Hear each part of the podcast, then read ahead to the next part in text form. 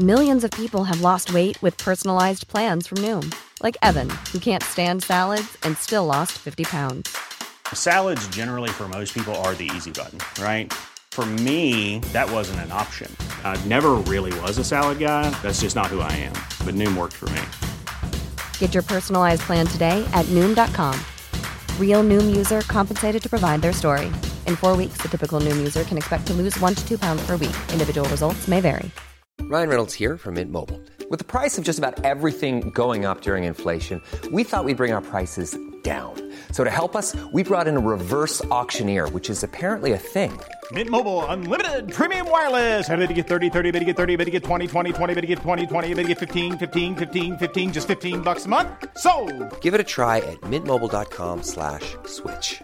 $45 upfront for three months plus taxes and fees. Promo rate for new customers for limited time. Unlimited more than 40 gigabytes per month. Slows. Full terms at mintmobile.com. There's never been a faster or easier way to start your weight loss journey than with PlushCare.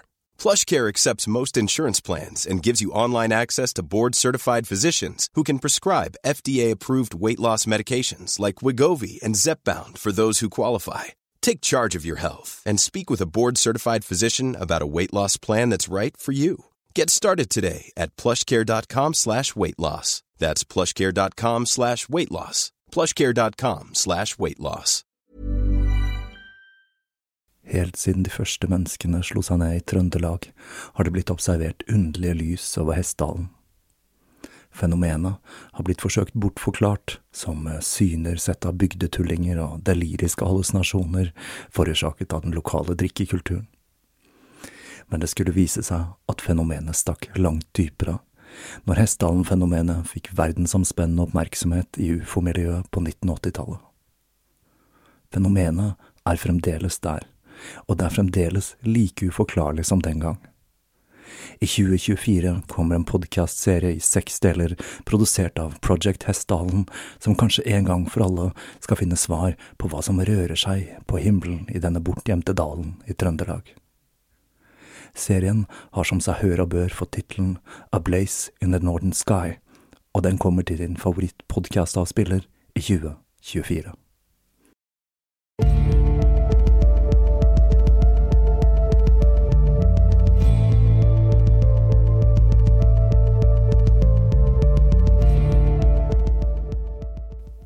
Hei og velkommen til Tåkeprat. Jeg heter Even, og når jeg tar opp denne episode 216, er det torsdag den 13. april 2023. Nå har vi lagt påskeferien bak oss, og jeg må si at dette blir mer og mer en favoritthøytid for min del. Jeg setter stadig mer pris på den herlige sammenblandingen av ymse tradisjoner og religioner, med ting som korsfestelse, kyllinger, krim og harer. På en måte er det også en høytid jeg føler er lite kommersialisert, og som fremdeles har en vag følelse av å være en religiøs høytid, og ikke bare en kjøpefest. Jeg synes i hvert fall røddagene er en fin anledning til litt ettertanke, uansett hvilken religion man tilhører.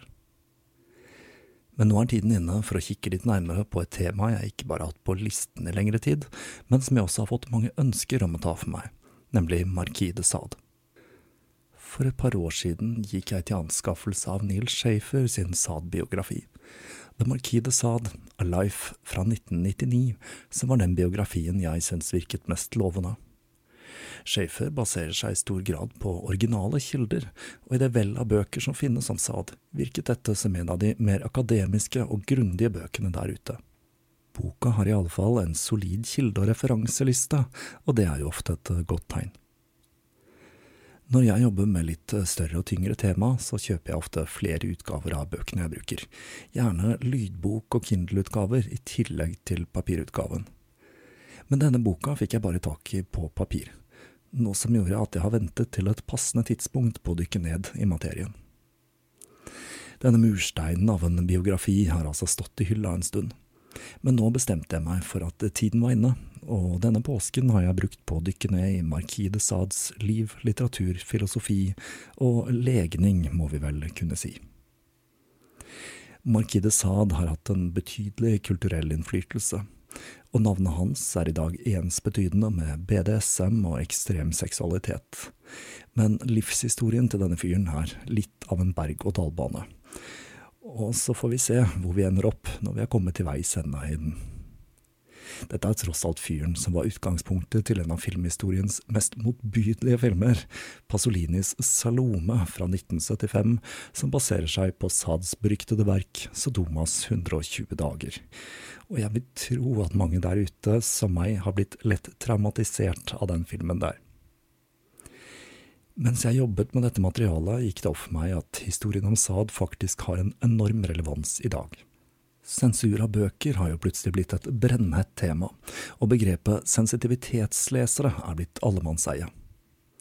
La oss bare si det sånn at bøkene til Markide Saad ville nok gitt noen av disse såkalte sensitivitetsleserne hjertestans, for bøkene hans de er ikke for sarte sjeler. Selv er jeg ekstremt skeptisk til omskriving av bøker. Dette er jo faktisk et av de store premissene til George Orwells 1984, hvor bøker og aviser hele tiden ble skrevet om for å tilpasses narrativet til storebror.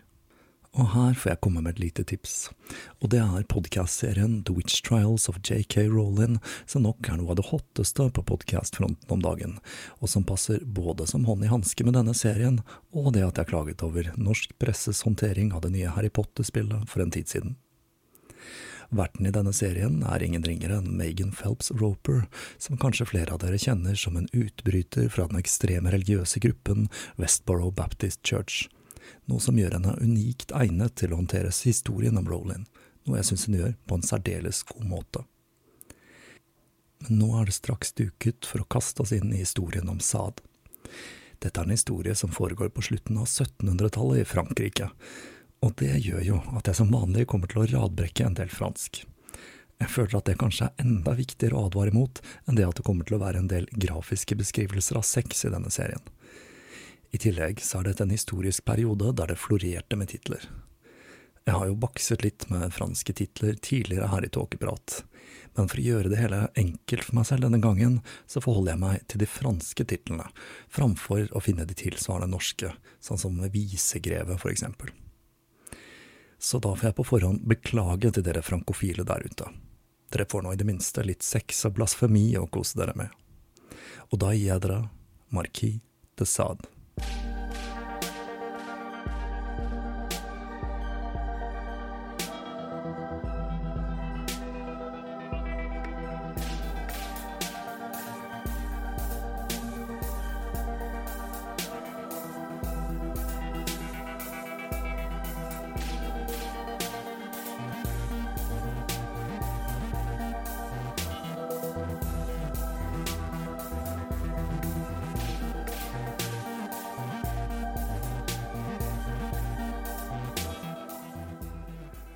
Sade-familien hadde hovedsete i Provence i slottet Lacoste, som originalt ble bygget i middelalderen.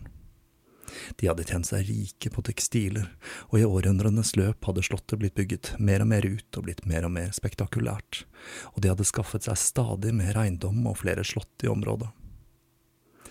Familien hadde flere viktige posisjoner i Provence. Sads far, Jean-Baptiste de Sade, var framtredende både i militæret og politikken blant annet som diplomat, og moren hans, Marie Eleanor de Mal, var en slektning av prinsen av Conde, og hun jobbet derfor som kammerpike for prinsessen i Paris. Det var der i Paris den 2. juni 1740 at Saad ble født.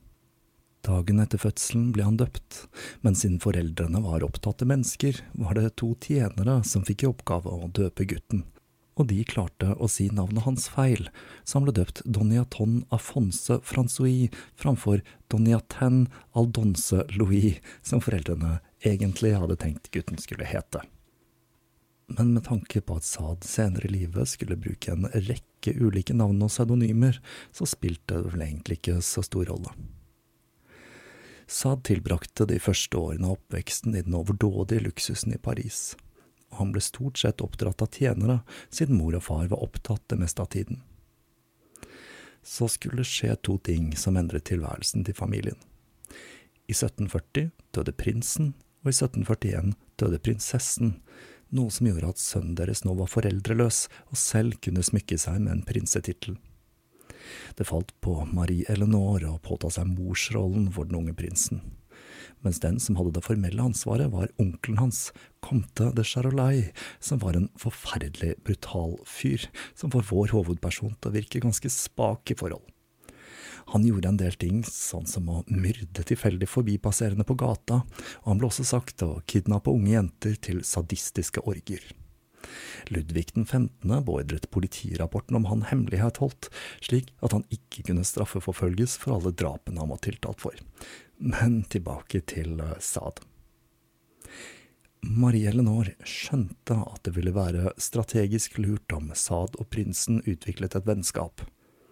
For selv om familien hadde gjort det svært godt i Provence, så hadde Jean-Baptiste klart å bygge seg opp en betydelig gjeld. Og det å knytte bånd til adelen i Paris kunne være med på å sikre familiens, og ikke minst sønnens, framtid. Men den planen skulle snart falle i fisk, for Saad og prinsen havnet i krangel under en lek, og Saad begynte å dælje løs på den andre gutten, og han sluttet ikke før tjenerne dro ham bort fra prinsen og den hendelsen førte til at han i en alder av fire ble sendt til Provence, hvor han først bodde hos bestemoren og senere hos onkelen Abbe til Saad. Her kan vi allerede ane litt av personligheten Saad skulle bli kjent for senere. Han hadde en tendens til å overreagere, og han hadde liten empati for andre. Senere skulle Saad fortelle at han var et tyrannisk barn fordi han var bortskjemt, og bestemoren, hun skulle fortsette å skjemme ham bort i Provence. Det kan jo også tenkes at det ikke hjalp at mor og far ikke var til stede i oppveksten hans. For eh, sannheten er at hadde det ikke vært for denne slåsskampen, så kunne livet til Saad ha blitt helt annerledes. For prinsen skulle spille en viktig rolle i historiens gang. Saad skulle jo for så vidt også spille en rolle, men den var ikke så mye politisk som litterær. I 1745 ble faren arrestert, mistenkt for politisk fusk men han ble sluppet fri like etter og dro til sin kone i Paris. Året etter fødte hun et barn, men denne jenta, Marie Francois, ble født for tidlig, og hun døde fem dager senere. Jean-Baptiste forsøkte å få seg en jobb ved hoffet, men etter fengslingen så hadde ikke han mer tillit, og han innså at karrieren hans var over. Det samme innså kona, som var så lei av mannens gjeld og mange affærer at hun bestemte seg for å gå i kloster. I Provence var den unge Sade en håndfull for den gamle bestemoren. Han kunne være ekstremt vanskelig om han ikke fikk viljen sin, og det samme året moren gikk i kloster, ble han sendt til onkelen Abbe i slottet hans Saumane, 24 km fra Lacoste, med et håp om at et maskulint forbilde kunne få skikk på gutten. Dette slottet var bygget i middelalderen, og bar preg av å være bygget mer som et festningsverk enn for komfort. Abbe selv sa at det var et kaldt og ugjestmildt sted, men for en gutt på seks år så var dette en perfekt lekeplass. Slottet med sine ganger, kjellere, hemmelige rom og huler skulle på mange måter være en slags mal for Sads senere fortellinger. Fortellinger som ofte foregikk i øde slott, gjerne med skjulte rom der de verste perversitetene foregikk, gjemt fra omverdenens nysgjerrige blikk. Onkelen Abbe var utdannet prest, og han hadde tilbrakt mye tid i Paris' litterære miljø, hvor han blant annet var blitt en personlig venn av Voltaire. Til tross for at han var en prest, så var han svært glad i det motsatte kjønn. Blant annet så ble han arrestert på et bordell i 1762. Men hvor stor innflytelse sexlivet til onkelen hadde på Saad, er et spørsmål vi neppe vil få svaret på.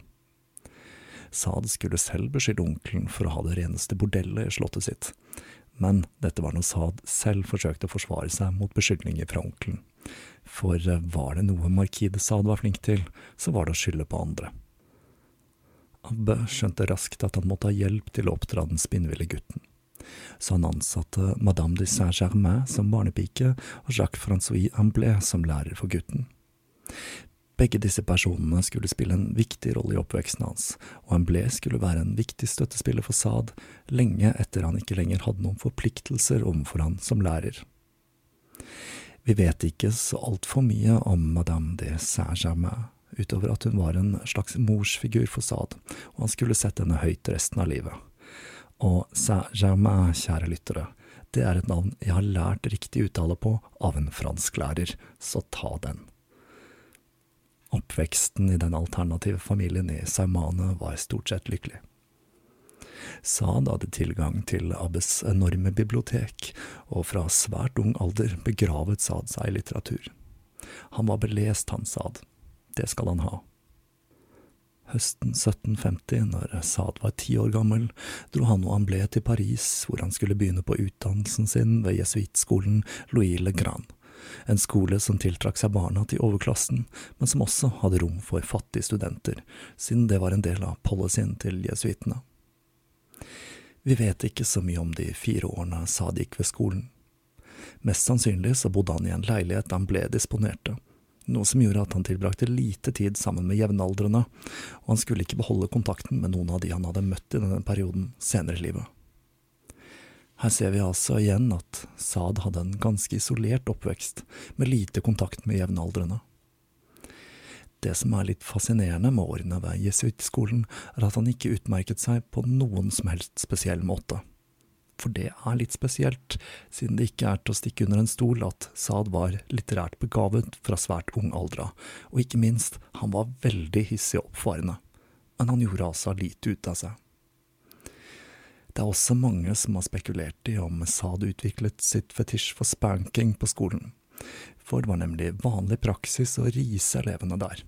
De hadde til og med en egen person til å gjøre dette men det er ingen historiske kilder, inkludert Saad selv, som peker på at dette er tilfellet. Om somrene var han på ferie i Chateau de Longueville i Champagne, bostedet til farens gamle venn Comtesse de Raymond, og der skulle han bli forelsket i venninnen til madame de Raymond. Hun skrev et lattermildt brev til faren der hun beskrev den unge guttens famlende forsøk på å navigere kjærligheten. Når eh, Saad var 14, bestemte faren at han var gammel nok til å bli med i militæret, og faren fikk ham med i Chevaux Leger, kongens kavaleri, en elitedivisjon som kun hadde sønner fra de aller beste familiene. Nå var det fysisk fostring framfor akademisk disiplin som gjaldt. Når Saad ble 16, den 2. juni 1756, var syvårskrigen allerede i gang og den 27. juni skulle han få ilddåpen i krigen når kompaniet hans var en del av en belæringsstyrke som klarte å ta en av fiendens fortifikasjoner. Saad hadde vært såpass imponerende i det slaget at han ble forfremmet til kornett, en tittel som tilsvarer noe slikt som løytnant. Året etter var han med i en kampanje langs Rhinen, og Saad førte en dagbok over den perioden, men dette er visstnok ikke spesielt spennende lesning. Denne kampanjen, den gikk ikke så bra, men til tross for det, og med litt hjelp fra farens penger og innflytelse, ble han utnevnt til kaptein i det burgundiske kavaleriet. Alt i alt, når hans militære karriere var over, i en alder av 22 år, hadde han tjenestegjort i hele seks kampanjer. I denne perioden finner vi også de første brevene Saad skrev, blant annet et skrevet til Abbe, hvor han unnskylder seg overfor faren fordi han hadde tatt litt av på bordellene i Paris når han hadde hatt perm. Faren hadde nemlig forlangt en tilståelse fra Saad når han fant ut hvordan gutten turet på i Paris. Han var ekstremt oppgitt over sønnen, men Saad valgte altså å svare indirekte til onkelen Abbe, hvor han kort oppsummert skriver at Elskov med kjærlighet er det beste, men sex bare for nytelsens skyld er også nytelse selv om den er kjøpt og betalt og man ofte angrer dagen etterpå. Saad satset nok på at onkelen kom til å fortelle faren om dette brevet, og like etter skrev han et brev direkte til faren, og der tilsto han at han noen ganger forsov seg. Denne leken med ord var selvsagt med på å fyre opp faren enda mer uten at jeg helt skjønner hvorfor faren, som heller ikke hadde sitt på det tørre, fyrte seg sånn opp. Vi har jo allerede vært inne på at han hadde mange affærer, men i tillegg så var han kjent for å ha en preferanse for mannlige prostituerte på Paris' bordeller. Som ved skolen så tilbrakte han det meste av tiden i militæret for seg selv, og han opparbeidet seg en enorm mistro for alt og alle, spesielt for autoriteter og for kvinner. Han lagde seg en slags leveregel. Det er det samme med venner som med kvinner. Erfaring gjør at man ofte ser at varene er falske. Her er det kanskje greit å føye til at Saad var svært populær blant damene, og ikke bare de han betalte for. Han mente blant annet at den beste måten å lære seg et språk på, var å ligge jevnlig med en kvinne som snakket det språket man ønsket å lære seg. Selv lærte han seg tysk ved, sitat, ligge med en baronesse som var tre ganger min egen alder. Etter seks måneder snakket jeg tysk som Cicero. Og jeg må jo si at av alle råd Markide Saad kom med, så er vel ikke det det dummeste. Far var altså ikke helt superfornøyd med sønnen han mente gikk med In the for investment worthy bags, watches, and fine Rebag is the. Rebag is a luxury resale platform where each piece is carefully inspected by experts to ensure quality and authenticity. Use Rebag to buy and sell finds from the world's top brands, including Louis Vuitton, Chanel, and Cartier. Head to Rebag.com to get 5% off your first purchase with code REBAGNEW. Shop today at Rebag.com. That's R E B A G.com. And use promo code REBAGNEW for 5% off your first purchase. If you're looking for plump lips that last, you need to know about Juvederm lip fillers. With Juvederm Volbella XC and Juvederm Ultra XC, your lip look, whether it's subtle or bold, can last up to one full year with optimal treatment and no additional maintenance. Find a licensed specialist and see if it's right for you at juvederm.com today. That's J U V E D E R M.com. Add fullness to lips in adults over 21 with Juvederm Volbella XC or Juvederm Ultra XC. Do not use if you have severe allergies or a history of severe allergic reactions, or if you're allergic to lidocaine or the proteins used in Juvederm. Tell your doctor if you have a history of scarring or taking medicines that decrease the body's immune response or that can prolong bleeding. Common side effects include injection site redness, swelling, pain, tenderness, firmness, lumps, bumps, bruising, discoloration, or itching. As with all fillers, there's a rare risk of unintentional injection into a blood vessel, which can cause vision abnormalities, blindness, stroke, temporary scabs, or scarring. For full important safety information, visit juvederm.com. hodet i skyene. Men han hadde løsningen. Det gjaldt bare å finne en passende kone til sønnen.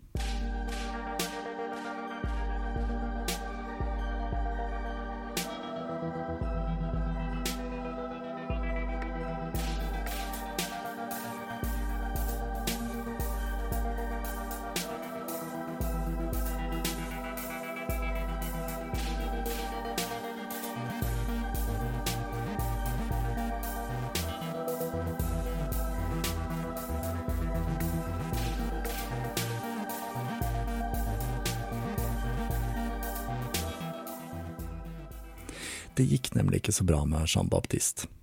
Ikke bare var han separert fra kona, og jobben som diplomat hadde kokt bort i kål, men han hadde opparbeidet seg en betydelig gjeld. Selv om han i året 1763, året han skulle gifte vekk sønnen, på papiret hadde tjent en betydelig inntekt fra eiendommene sine i Provence, så sløste han vekk det han tjente, og mer til, fordi det kostet å leve høyt på strå i Paris. Faren hadde lite til overs for sønnens jakt etter ekte kjærlighet. I Paris hadde Saad innledet et forhold til lord de Loris, som var ett år yngre enn ham selv og kom fra en adelsfamilie i Provence. Men mens de to snakket om ekteskap, hadde faren andre planer.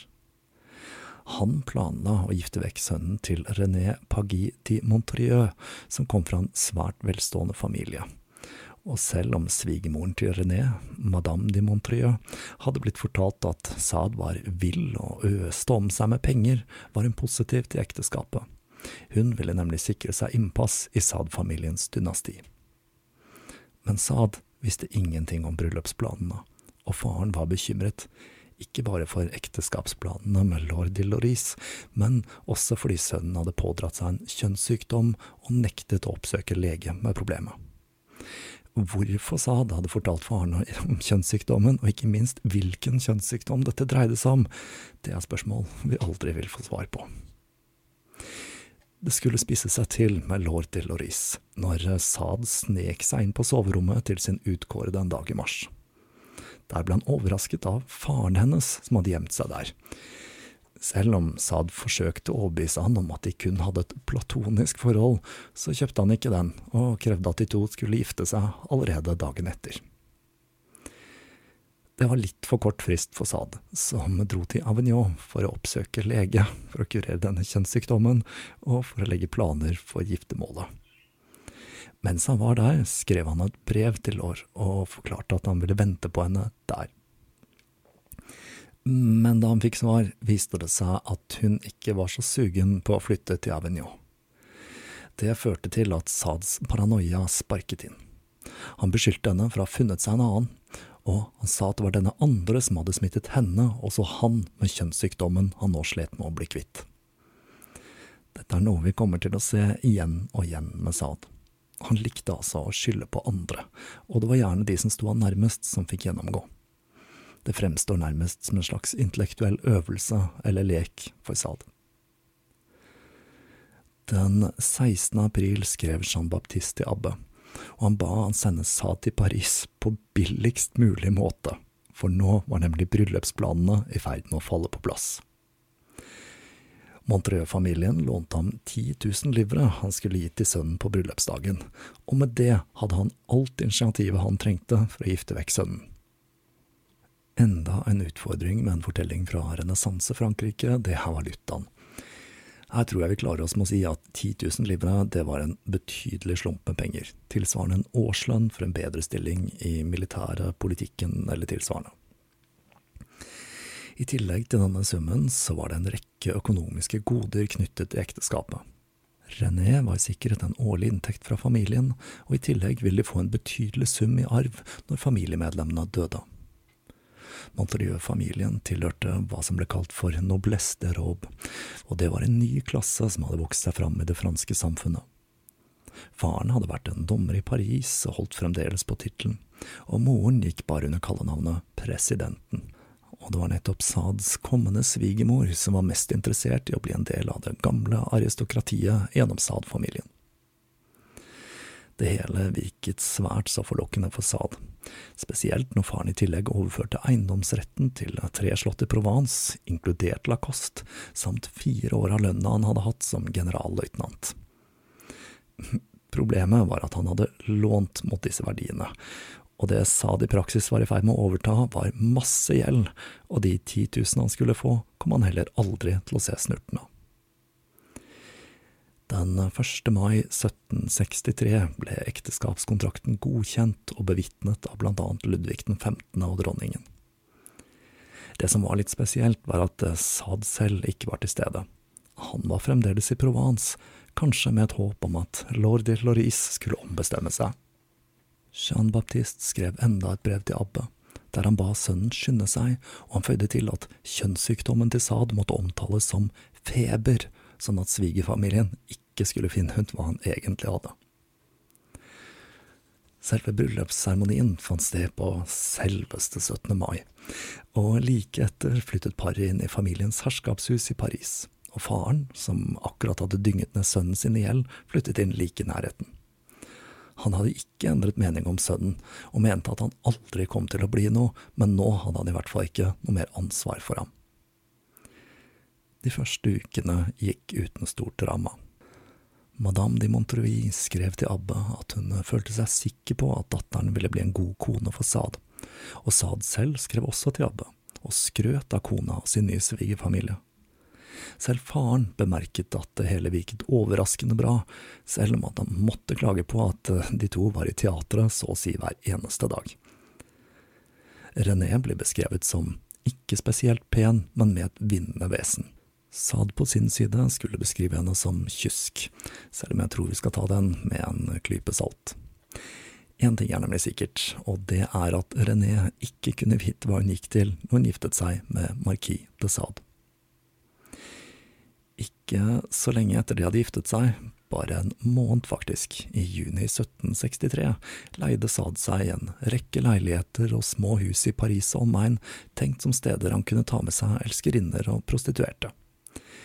Dette var ganske vanlig blant adelen i 1700-talls Frankrike, og ble sett på som uproblematisk, dersom man hadde penger og diskresjon. Problemet var at Saad hadde ingen av de essensielle tingene.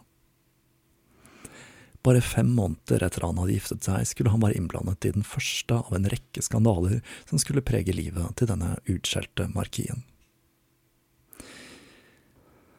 Det begynte etter hvert å bli åpenbart at Jean-Baptiste ikke hadde alt det finansielle i orden, og madame de Montreuil begynte å pushe Saad til å konfrontere sin far.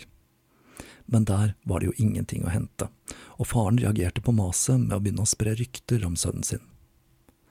Svigermor var villig til å hjelpe Saad med å gå rettens vei for å skaffe svigersønnen og datteren de pengene de hadde krav på. Men Saad, som vi skal se ikke akkurat var konfliktsky, hadde av en eller annen grunn ikke kampviljen han trengte for å konfrontere faren. I august dro Montrieux-familien på ferie til Normandie. Når de var der, ble madame de Montreuil bedre kjent med sin nye svigersønn, som for anledningen skrudde sjarmen på maks, og de to kom svært godt overens. Dagene i Normandie gikk med til ting som riding, ekskursjoner og jakt, mens kveldene gikk med til lesing og tid med kona. Saad begynte snart å kjede seg i denne tilværelsen. Han fortalte at han ville dra en tur til Paris for å besøke kongens hoff, og i samme slengen konfrontere faren. Den 15. oktober sa han farvel til familien og satte tilsynelatende kursen mot Paris. Men han hadde andre planer. Den 18. oktober tok han kontakt med en kvinne, madame de Remaux, som var en anskaffer. Jeg vet ikke om vi har noe godt ord for dette på norsk i 2023, men det nærmeste jeg kommer på er bordellmamma, hallik eller madame, kanskje. Denne madame de Ramon skaffet til veie en prostituert. Den 22 år gamle Jean Testard, som ble sendt til et av disse krypinnene Sada hadde skaffet seg. Hva som skjedde den kvelden og natta, vet vi i inngående detalj, siden Jeanne gikk rett til politiet neste dag. Hun forklarte hun hadde ankommet adressen hun hadde fått av Dyramont, hvor hun ble først tatt imot av en tjener, før hun ble introdusert for mannen som hadde betalt for en natt med henne. Mannen førte bort tjeneren og låste døren bak seg. Det første han gjorde, var å spørre henne om hun trodde på Gud, Jesus og jomfruen, hvorpå Jeanne svarte at det gjorde hun og hun sa at hun forsøkte å følge religionen som best hun kunne. Med det hadde mannen begynt å skjelle henne ut og skrike blasfemier. Han sa at det ikke fantes noen gud, og at han hadde bevist det ved å onanere i en nattverdskalk i kirken i hele to timer, mens han ropte at Jesus var en bastard og jomfruen ei hore. Videre fortalte han at han hadde stukket to nattverdsoblater opp i underlivet på en kvinne før han hadde hatt sex med henne mens han sa hvis du er Gud, straff meg. Så ba han henne gå inn i det neste rommet, men først advarte han henne om at hun kom til å se ting som kunne overraske henne. Jeanne hadde fortalt at hun var gravid, og at hun var redd for å se ting som kunne skremme henne, og som kunne gå utover svangerskapet. Mannen sa at det var ingenting å være redd for, førte henne inn og låste døren bak seg. Foran seg så hun et utvalg av pisker, noen laget av tau og noen med kobber og ståltråd. Tillegg var det flere statuer av Kristus, en av jomfruen, og veggene var dekorert med nakne figurer som hadde sex i alle tenkelige og utenkelige positurer. Etter han hadde fått henne til å studere de ulike gjenstandene, sa han at han ville at hun skulle varme stålpisken i peisen, for så å piske ham med den mens den var rødglødende. Etterpå, sa han, kunne hun velge ut en pisk hun ville han skulle piske henne med. Jeanne var ikke så veldig lysten på dette, og takket nei selv om mannen forsøkte å overbevise henne som best han kunne. Etter det kastet han to av Kristus-statuene på bakken, hvorpå han trampet på den ene og onanerte på den andre. Så kastet han et krusifiks på bakken, la hånden på sverdet sitt og sa at dersom hun ikke trampet på det, ville han hugge henne ned. Jean turte ikke gjøre annet enn å trampe på krusifikset, og mens hun gjorde det, tvang han henne til å rope Kjøter, jeg gir faen i deg. Etter det ville han at hun skulle ta et klyster og sprute det utover en av Kristus-statuene, men hun fortalte politiet at hun takket nei til dette også. Resten av natten fikk han henne til å lese blasfemiske dikt han fortalte henne var skrevet av en libertiner som han selv, hvorpå han spurte om han kunne lære å kjenne henne på en måte som var naturstridig, noe hun også takket nei til. Før hun fikk lov til å gå neste morgen, måtte hun love at hun skulle bli med kirken neste søndag for å ta nattverd og stjele to oblater, så de kunne gjøre den samme akten han hadde fortalt han hadde gjort med en annen prostituert kvinne, altså dette trikset for å bevise at Gud ikke fins. Og så hadde hun gått rett i politiet og anmeldt mannen. Politiet og sjefen for sedelighetsavdelingen, Marai, brukte ikke så altfor lang tid på å finne ut hvem dette dreide seg om. Det er vel ikke helt utenkelig at han hadde drevet med den slags før, og at ryktet hadde begynt å spre seg blant de prostituerte. Her er det mye som høres veldig voldsomt ut, og denne hendelsen skulle følge Saad resten av livet. Men la oss stoppe opp litt og tenke over hva som faktisk skjedde den natten. For det første så virker det som om det Saad var ute etter, var et publikum han kunne sjokkere mer enn sex. De hadde jo faktisk ikke sex, selv om Saad spurte om han kunne lære henne å kjenne på en måte som var naturstridig, som selvsagt refererte til analsex, eller sodomi, som var forbudt, og som var Saads favoritt, både med kvinner og med menn. Når det gjelder pisking, så var det heller ikke noe som burde ha sjokkert en prostituert i Frankrike på 1700-tallet. Praksisen var så vanlig at bordeller som regel hadde en egen samling med ulike redskaper til spanking, da dette ble sett på som en kur mot impotens. Det er klart at denne black metal-lignende blasfemien med runking på Kristus-statuer og knusing av kors må ha gjort et inntrykk, men det er fremdeles ganske underlig at Jean Testard gikk rett til politiet, ikke minst fordi prostitusjon, det var forbudt. Det er også underlig at politiet ga saken umiddelbar prioritet, det er i det hele tatt ganske mye som skurrer i denne fortellingen. Politiet brukte ti dager på å trumfe sammen en arrestordre og arrestere Saad, som ble sendt til Vincennes, et formidabelt festningsverk som står der den dag i dag øst for Paris, og som nok absolutt er verdt et besøk om man skulle befinne seg i området. Det første Saad gjorde, var å skrive til generalløytnanten for politiet, Sartin, for å be om at hele affæren skulle bli dysset ned. Han skrev at dersom den slapp ut, ville det ikke bare gå utover inntekten hans, men også stillingen hans i militæret. Han ba også om de kunne videresende et brev til svigermoren, eller i det minste informere kona om at han satt fanget i Vincennes, uten å fortelle henne om årsaken til at han var blitt fengslet der. Denne gangen skulle han bli reddet ut av uføret. Faren dro til kongen og ba om nåde, hvorpå han ble sendt tilbake til Normandie og saken ble dysset ned. Det gjorde sikkert heller ikke noe at svigermoren hadde grepet inn. Betingelsen for løslatelsen var at han måtte bo hos svigerfamilien under oppsyn av inspektør Marai. Saad ble mottatt av en stoisk René, og han klarte å skvære opp med svigermoren. Selv om han nå i praksis var i en slags husarrest, så så det ut til at han hadde sluppet delvis helskinnet fra affæren. Om han nå bare klarte å holde seg i skinnet.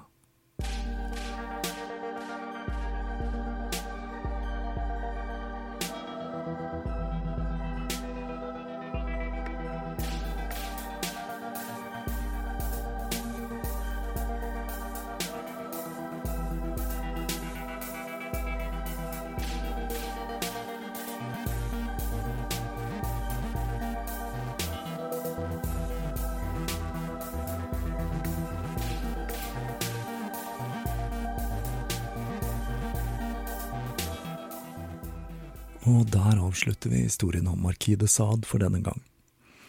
Allerede i denne første delen så har dere fått en smakebit av hva som må kunne kalles de store grunnpilarene i livet hans, og det er skandaler, sexlitteratur og ikke minst fengsel, for vår godeste Marquis skulle tilbringe mye av livet sitt bak murene.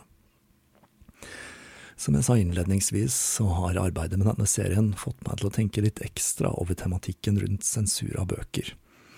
Som vi skal komme nærmere inn på i denne serien, så er det ingen tema eller perversiteter som var for ekstreme for Markide de Men selv om det han skrev ble stemplet som pornografisk i samtiden, så har verken hans litterære og filosofiske kvaliteter som definitivt gjør dem til noe mer enn ren smusslitteratur. Men igjen, det kommer jeg mer tilbake igjen til senere. Når det gjelder personligheten til Saad, så har vi også fått en liten smakebit av den i denne første delen. Saad var rett og slett en ganske uspiselig type, som elsket å kverulere og krangle, og som hadde en tendens til å sette seg selv i situasjoner det var vanskelig å snakke seg ut av. Nå var det godt å komme i gang med en ny serie igjen. Jeg føler at jeg befinner meg i en slags limbotilstand når jeg ikke gir ut episoder, men av og til så trenger jeg litt tid til å lese også, for å kunne gi dere disse litt mer dyptpløyende seriene. Nå skal jeg kaste meg rundt og begynne på den neste delen av serien, for dette blir nok en ganske omfattende affære, og jeg ser for meg at jeg ender opp med ca. fem deler totalt. Enn så lenge vil jeg som vanlig takke alle som støtter podkasten på Patrion. Jeg har fått en del nye patrions den siste tiden, og det setter jeg enormt pris på. Patrion er den eneste faste inntekten jeg har fra arbeidet jeg legger i tåkeprat, og dere er utrolig viktige for meg. I tillegg vil jeg selvsagt også takke alle som har donert via nettsiden og VIPS, de som har handlet i nettbutikken, og ikke minst så vil jeg takke deg som hører på. Vi høres igjen om ikke lenge.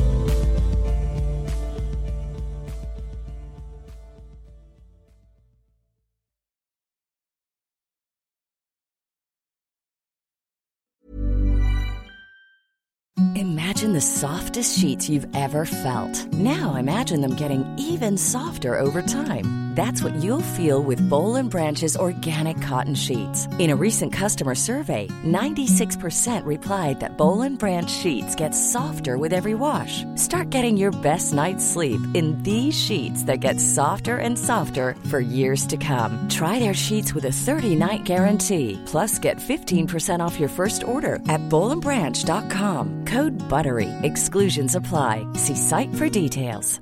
Hey, it's Paige DeSorbo from Giggly Squad. High quality fashion without the price tag. Say hello to Quince. I'm snagging high-end essentials like cozy cashmere sweaters, sleek leather jackets, fine jewelry, and so much more. With Quince being 50 to 80% less than similar brands. And they partner with factories that prioritize safe, ethical, and responsible manufacturing. I love that. Luxury quality within reach. Go to quince.com slash style to get free shipping and 365 day returns on your next order. Quince.com slash style. Even when we're on a budget, we still deserve nice things. Quince is a place to scoop up stunning high-end goods for 50 to 80% less than similar brands. They have buttery soft cashmere sweaters starting at $50, luxurious Italian leather bags, and so much more. Plus, Quince only works with factories that use safe, ethical, and responsible manufacturing. Get the high-end goods you'll love without the high price tag with Quince. Go to quince.com/style for free shipping and 365-day returns.